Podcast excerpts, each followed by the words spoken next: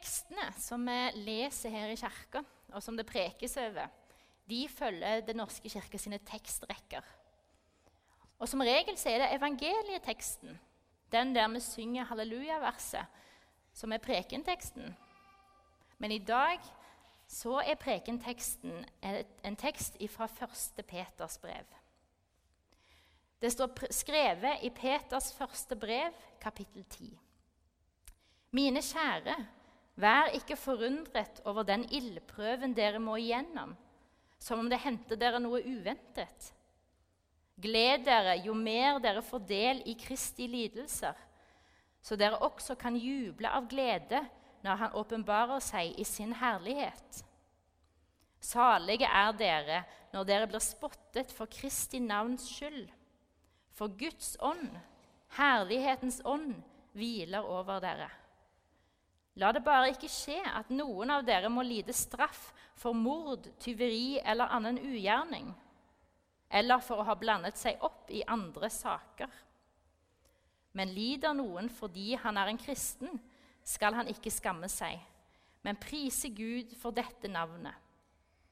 For nå er tiden kommet da dommen skal begynne, og den skal begynne med Guds hus. Men kommer dommen over oss først, hvordan går det da til slutt med dem som er ulydige mot Guds evangelium? Og er det vanskelig for den rettferdige å bli frelst, hvordan skal det da gå den ugudelige og synderen? Derfor skal de som lider etter Guds vilje, overgi sin sjel til den trofaste Skaperen og gjøre det gode. Slik lyder Herrens ord. Du all verden, var det første jeg tenkte når jeg leste denne teksten. Skal jeg få oppgaven å si noe fornuftig om dette her? Det er ikke bare enkelt. Men så begynte jeg å tenke litt mer. Og jeg syns som regel at det er de litt vanskelige tekstene som er mest spennende. For livet det er litt utfordrende, litt vanskelig. Og det er interessant å fordype seg litt i dette. Det som vi fikk lese her, det var en brevtekst. Og De skrev mye brev i Nye testamentlig tid. De skrev brev for å gi hjelp og oppmuntring til de nye kristne menighetene rundt omkring. Og Denne teksten tror vi er skrevet i løpet av det første århundret etter Jesus hadde vært på jorda. Historien om Jesus de sprer seg på denne tida med stor fart. Og flere og flere begynner å kalle seg kristne. Og de møter ofte motstand og opplever, som vi har lest her, å bli spotta for Jesu navns skyld. Og ennå så fins det ikke en bibel. Det er ikke noen offisiell samling og hva for noen tekster som blir sett på som trosgrunnlag. Og mye av troen den blir videreformidla muntlig. Og teologien Forståelsen om hvem Jesus var, den er fortsatt i støpeskjeen. Mens Jesus var på jorda, før han ble korsfesta, så snakket han av og til om de siste tider, som vi kaller det. Han forteller om at Guds dom skal komme. At, Gud, at Jesus skal forsone verden med seg, og at ondskapen skal bli tilintetgjort. Jesus sier at han sjøl skal dø og vinne over døden og stå opp igjen, sånn at døden ikke lenger er en grense for vår tilværelse.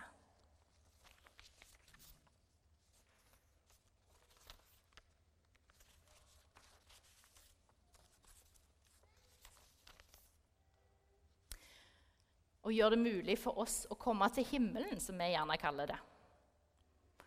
Og Etter at Jesus var korsfesta, og etter at han sto opp igjen, og før han reiste til himmelen, så fortalte han disiplene at han skulle komme tilbake igjen. Og at alle de gode tingene som folk hadde sett han gjøre, at, at syke ble friske, at blinde fikk se, det skulle bli virkeligheten for alle. Og Folk de hadde en forventning om at dette skulle skje snart. De venta på det ivrig. Om noen måneder, kanskje.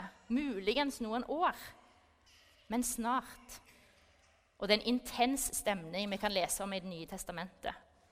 Og disse hverdagslige tingene som vi bryr oss om, de får litt mindre fokus. Ja, De skriver til og med at det ikke er vits å stifte familie og få barn, for de siste tider de er rett rundt hjørnet. Og Så får vi lese her om den lidelsen som de første kristne opplever.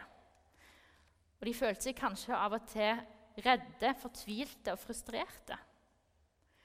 Og så får de høre at det vonde som de opplever, det skal de utholde, og det skal styrke dem i et håp om at det kommer noe godt seinere. Og så har det gått noen år siden dette her. Og de som fikk dette brevet, de døde uten å se Jesus komme igjen i sin levetid. Og nye generasjoner kom, og nye tider kom. Og hverdagen den ble en større del av det kristne livet.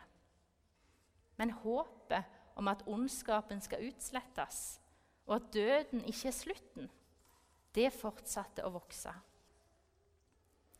Troen på, Gud, på at Gud er midt iblant oss og lar sitt rike, sin godhet, vokse fram her og nå, den ble forsynt i generasjon etter generasjon. Men òg lidelsen, opplevelsen av at livet ikke bare er godt, er noe som alle mennesker møter.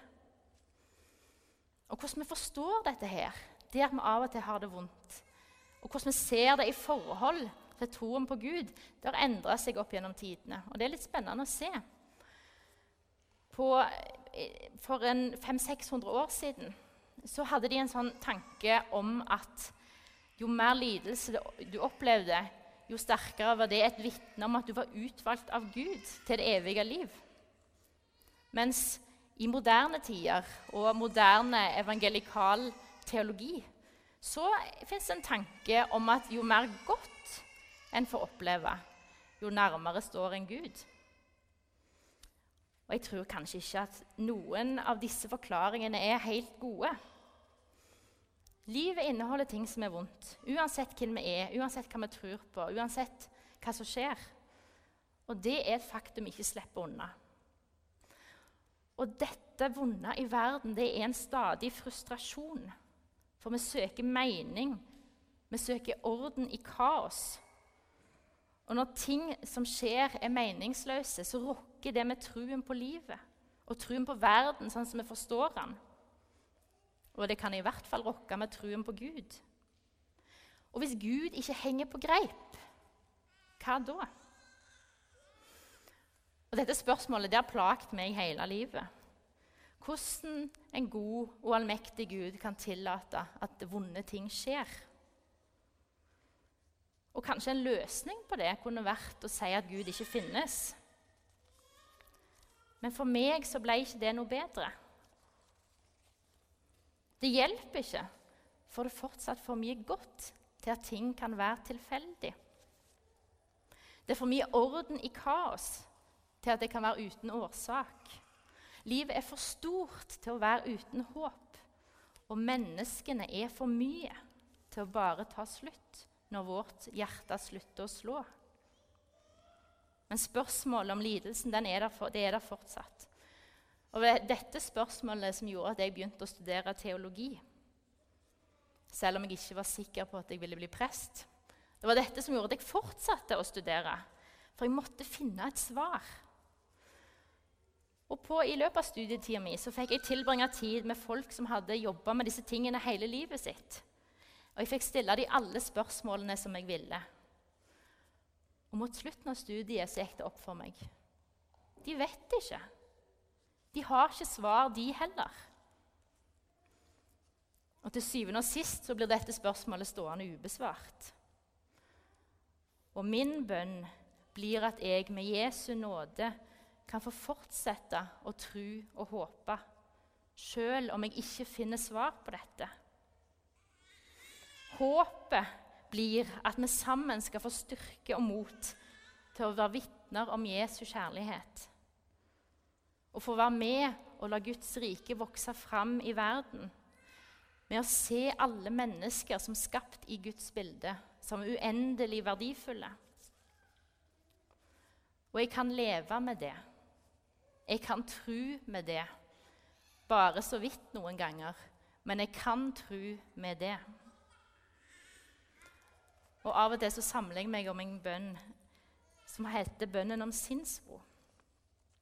Gud, gi meg sinnsro til å godta det jeg ikke kan forandre. Gi meg mot til å forandre det som jeg kan, og gi meg visdom til å forstå forskjellen. Ære være Faderen og Sønnen og Den hellige ånd, som var, er og blir en sann Gud fra evighet og til evighet. Amen.